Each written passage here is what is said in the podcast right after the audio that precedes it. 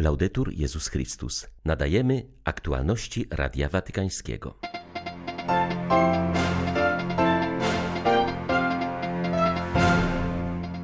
Papież Franciszek wręczył nagrody Ratzingera, nazywane Noblem z teologii. Przyznawane są one za wybitny wkład w rozwój wiedzy teologicznej. W związku z przygranicznym kryzysem migracyjnym nuncjusz apostolski na Białorusi zaapelował o solidarność w ratowaniu życia cierpiącym. W Bydgoszczy odbył się ingres biskupa Krzysztofa Włodarczyka do katedry świętego Marcina i Mikołaja. 13 listopada witają Państwa ksiądz Krzysztof Ołdakowski i Łukasz Sośniak. Zapraszamy na serwis informacyjny. Józef Ratzinger to jeden z tych mistrzów, którzy ucząc nas myśleć, pomagają coraz głębiej przeżywać relacje z Bogiem i innymi ludźmi, wskazał na to papież Franciszek podczas uroczystości wręczenia nagród Ratzingera. Tym razem otrzymały je aż cztery osoby, ponieważ w ubiegłym roku, choć wyróżnienia zostały przyznane, to jednak z powodu pandemii laureaci nie mogli przybyć do Watykanu. Franciszek zatem wręczył nagrody Ratzingera laureatom ubiegłorocznym, którymi są francuski filozof profesor Jean-Luc Marion oraz australijska teolog profesor Tracy Rowland a także tegorocznym. Są to, przypomnijmy, niemieccy uczeni profesor Gerl Falkowicz, filozof religii i religioznawca, edytor dzieł Edyty Stein i Romano Guardiniego oraz profesor Schwinhorst Schönberger, teolog biblista, znawca pieśni nad pieśniami. Zwracając się do laureatów, Franciszek zauważył, że nagroda ta słusznie nosi imię jego poprzednika, a ta uroczystość jest stosowną okazją, by zapewnić Benedykta XVI o naszej pamięci, uznaniu i podziwie. Czujemy, że towarzyszy nam w modlitwie, wpatrując się nieustannie w horyzont Boga. Wystarczy na niego spojrzeć, by się o tym przekonać. Dziś dziękujemy mu szczególnie za to, że był także przykładem żarliwego oddania studiom, badaniom, przekazowi pisemnemu i ustnemu, a także za to, że zawsze w pełni i harmonijnie łączył swoje badania naukowe z wiarą i służbą Kościołowi. Nie zapominajmy, że Benedykt XVI do końca swojego pontyfikatu nadal prowadził badania i pisał. Około dziesięciu lat temu, kiedy pełnił jeszcze swój urząd, kończył zarazem trylogię o Jezusie i w ten sposób pozostawił nam unikalne osobiste świadectwo o swym nieustannym poszukiwaniu oblicza Pana. Jest to najważniejsze ze wszystkich poszukiwań, które następnie kontynuował na modlitwie. Dla nas jest to inspiracja i zachęta. Zapewniamy go o naszej pamięci przed Panem i naszej modlitwie. Papież skierował przesłanie do członków Międzynarodowej Chrześcijańskiej Unii Liderów Biznesu.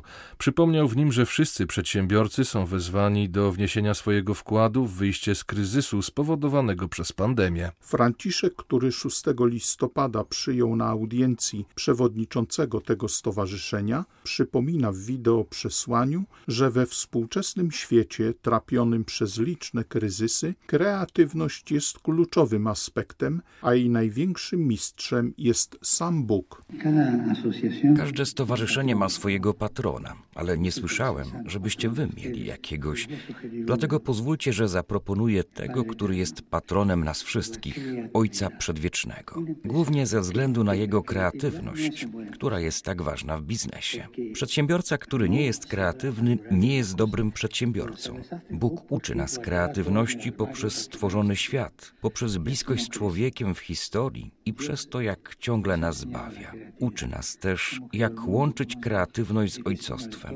Rodzice wiedzą, jak przeprowadzić dziecko przez najtrudniejsze momenty i kryzysy, jak mu towarzyszyć. Wzrastajcie w kreatywności, nie bójcie się. Dzisiaj potrzebujemy kreatywności, żeby wyjść z kryzysu spowodowanego pandemią koronawirusa.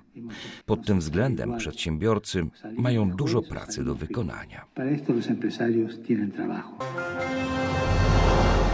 Dziennikarstwo to nie tyle zawód, co misja, tak jak w przypadku lekarza, który studiuje i pracuje po to, aby leczyć zło na świecie, powiedział papież, spotykając się z dziennikarzami akredytowanymi przy stolicy apostolskiej.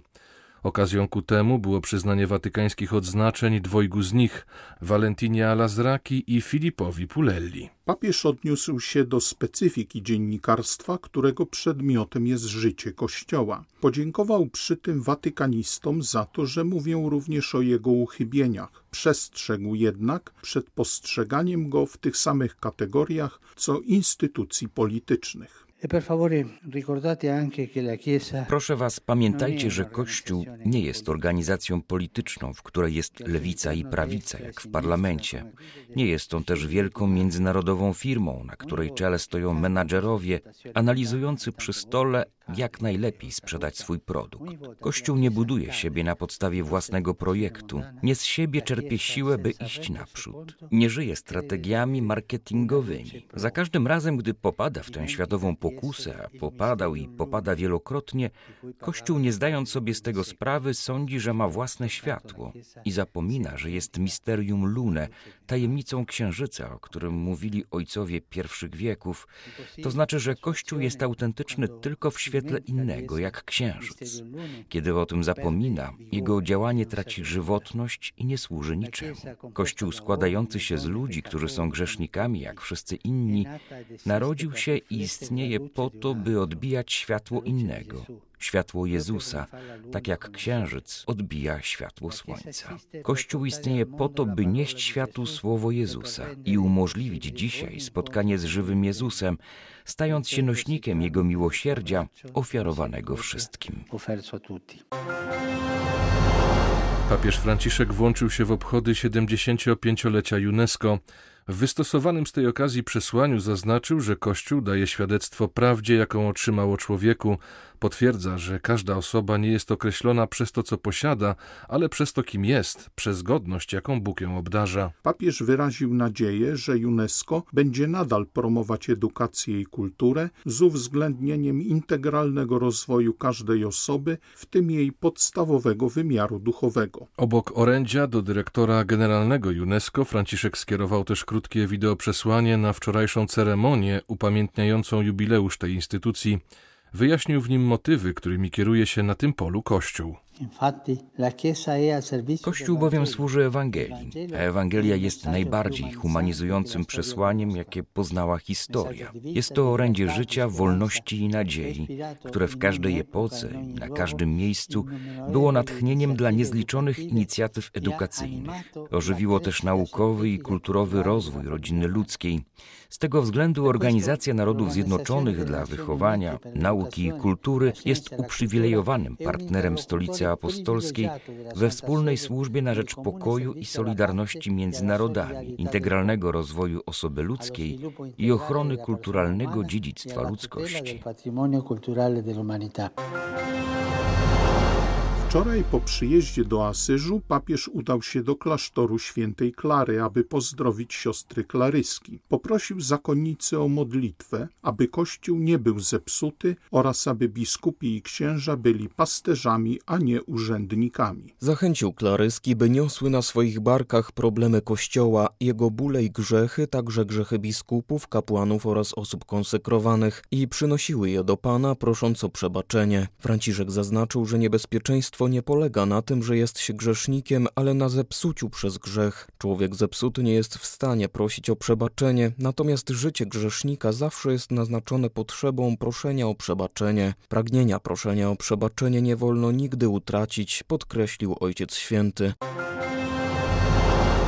Wczoraj w Asyżu papież przypomniał o okolicznościach wprowadzenia Światowego Dnia Ubogich. Pod koniec jednej celebracji, podczas roku jubileuszowego przed pięcioma laty, jeden z uczestników zawołał w stronę Ojca Świętego, że są jubileusze dla wszystkich, tylko nie dla biednych. Była to zatem odpowiedź Franciszka na konkretne pragnienie wyrażone przez jednego z wiernych, powiedział kardynał Konrad Krajewski. Papieski jałmużnik opowiedział Radiu Watykańskiemu także o przebiegu jutrzejszego Światowego Dnia Ubogich w Watykanie. Będzie wyglądał troszkę inaczej niż byśmy chcieli, mianowicie będzie wspólna Eucharystia z papieżem w Bazylice, a następnie powinien być obiad, tak jak Ojciec Święty to czynił już od lat w auli Pawła VI dla prawie 1500 osób, ale jeszcze w tym roku zrezygnowano z tego, więc wszystkie osoby, które będą uczestniczyć wychodząc z bazyliki otrzymają prezent od Ojca Świętego, żywnościowy, bardzo konkretny, więc w ten sposób jakby zastępujemy to wspólne spotkanie przy stole ze względu na dobro także naszych podopiecznych, żeby nie narażać ich na niepotrzebne skutki pandemii. Jałmużnik zwrócił uwagę, że Światowy Dzień Ubogich stanowi dla nas wszystkich zaproszenie do wejścia w sam środek Ewangelii. Są ludzie, którzy nie są tak szczęśliwi jak my, że los do nich się wcale tak nie uśmiechnął, że ich historia życia jest bardzo trudna, natomiast każdy z nas może być tym aniołem. Tu nie chodzi o pomoc materialną. Nasi biedni naprawdę ostatnią rzecz, jaką potrzebują, to pomoc materialną. Oni potrzebują nas, potrzebują, by byli wysłuchani, potrzebują, by ktoś ich wreszcie potraktował poważnie, by ktoś usiadł z nimi. Nie tyle dostał do jedzenia, co zjadł z nimi. I myślę, że to jest najważniejsze przesłanie. Po prostu potraktować ich jak równego sobie. Edukacja, praca i dialog między pokoleniami, narzędzia, aby budować trwały pokój, to temat najbliższego orędzia na Światowy Dzień Pokoju, który jest obchodzony zawsze na początku roku. Papież Franciszek wskazuje na trzy istotne konteksty w zmieniającym się świecie, by zaproponować odnowione ich ujęcie, które odpowie na potrzeby obecnego i przyszłego czasu. Ojciec Święty zaprasza wszystkich do odczytania znaków czasu oczami wiary, by ukierunkowanie tych zmian obudziło nowe i dawne pytania z którymi trzeba się zmierzyć. Jak edukacja i wychowanie mogą przyczynić się do trwałego pokoju? Jak praca w obecnym świecie może mniej lub bardziej odpowiedzieć na żywotne potrzeby ludzi dotyczące sprawiedliwości i wolności? Czy poszczególne pokolenia są solidarne między sobą? Czy rządom w społeczeństwie udaje się w tym kontekście stworzyć pokojowy horyzont życia? Nuncjusz apostolski na Białorusi wystosował przesłanie w związku z kryzysem migracyjnym na granicy polsko-białoruskiej. Zapewnił, że Kościół katolicki jest zawsze blisko cierpiących, znajdujących się w trudnej sytuacji, a poprzez Caritas stara się nieść pomoc humanitarną tym, którzy jej potrzebują. Wzywam władzę do zdecydowanego i szybkiego działania, by ratować ludzkie życie, napisał arcybiskup Ante Jozicz. Nuncjusz zauważył, że niezależnie od obecnego kryzysu politycznego na Białorusi, kryzys z migrantami wymaga pilnych, konkretnych rozwiązań w celu zaspokojenia potrzeb ludzi, zwłaszcza dzieci i kobiet, które przez wiele dni pozostają zablokowane na granicy. Wyraził zadowolenie z pomocy zapewnianej przez Caritas w obu krajach, jednak dostrzegł, że migranci potrzebują także rozwiązań długoterminowych. Zapewnił o modlitwie Kościoła o rozwiązanie kryzysu i w jego imieniu poprosił o podjęcie działań politycznych na rzecz ratowania życia. Z udziałem nuncjusza apostolskiego w Polsce, arcybiskupa Salvatore Penacchio, odbył się dziś ingres biskupa Krzysztofa Włodarczyka do katedry pod wezwaniem świętych Marcina i Mikołaja w Bydgoszczy. W homilii nowy biskup bydgoski wskazał, że w swej posłudze pragnie czerpać inspirację z postaci świętego Józefa, przesłania błogosławionego kardynała Stefana Wyszyńskiego oraz wzoru sługi Bożego księdza Franciszka Blachnickiego. Prowadzenie do dojrzałości chrześcijańskiej, do świętości, to znaczy do wysokiej miary zwyczajnego życia chrześcijańskiego, będzie szczególnym naszym zadaniem. Moim biskupa, księży, osób życia konsekrowanego, wszystkich sióstr i braci świeckich całego laikatu. A to wszystko ma się dokonywać przez organiczną pracę we wspólnotach parafialnych. Parafia jako wspólnota wspólnot. Cytując słowa księdza Franciszka Blachnickiego, nowy biskup bydgoski wyznał, że pragnie być dobry, odważny i starać się pokonywać przeszkody. Z Warszawy dla Radia Watykańskiego ojciec Stanisław Tasiemski, dominikanin. Były to aktualności Radia Watykańskiego. Laudetur Jezus Chrystus.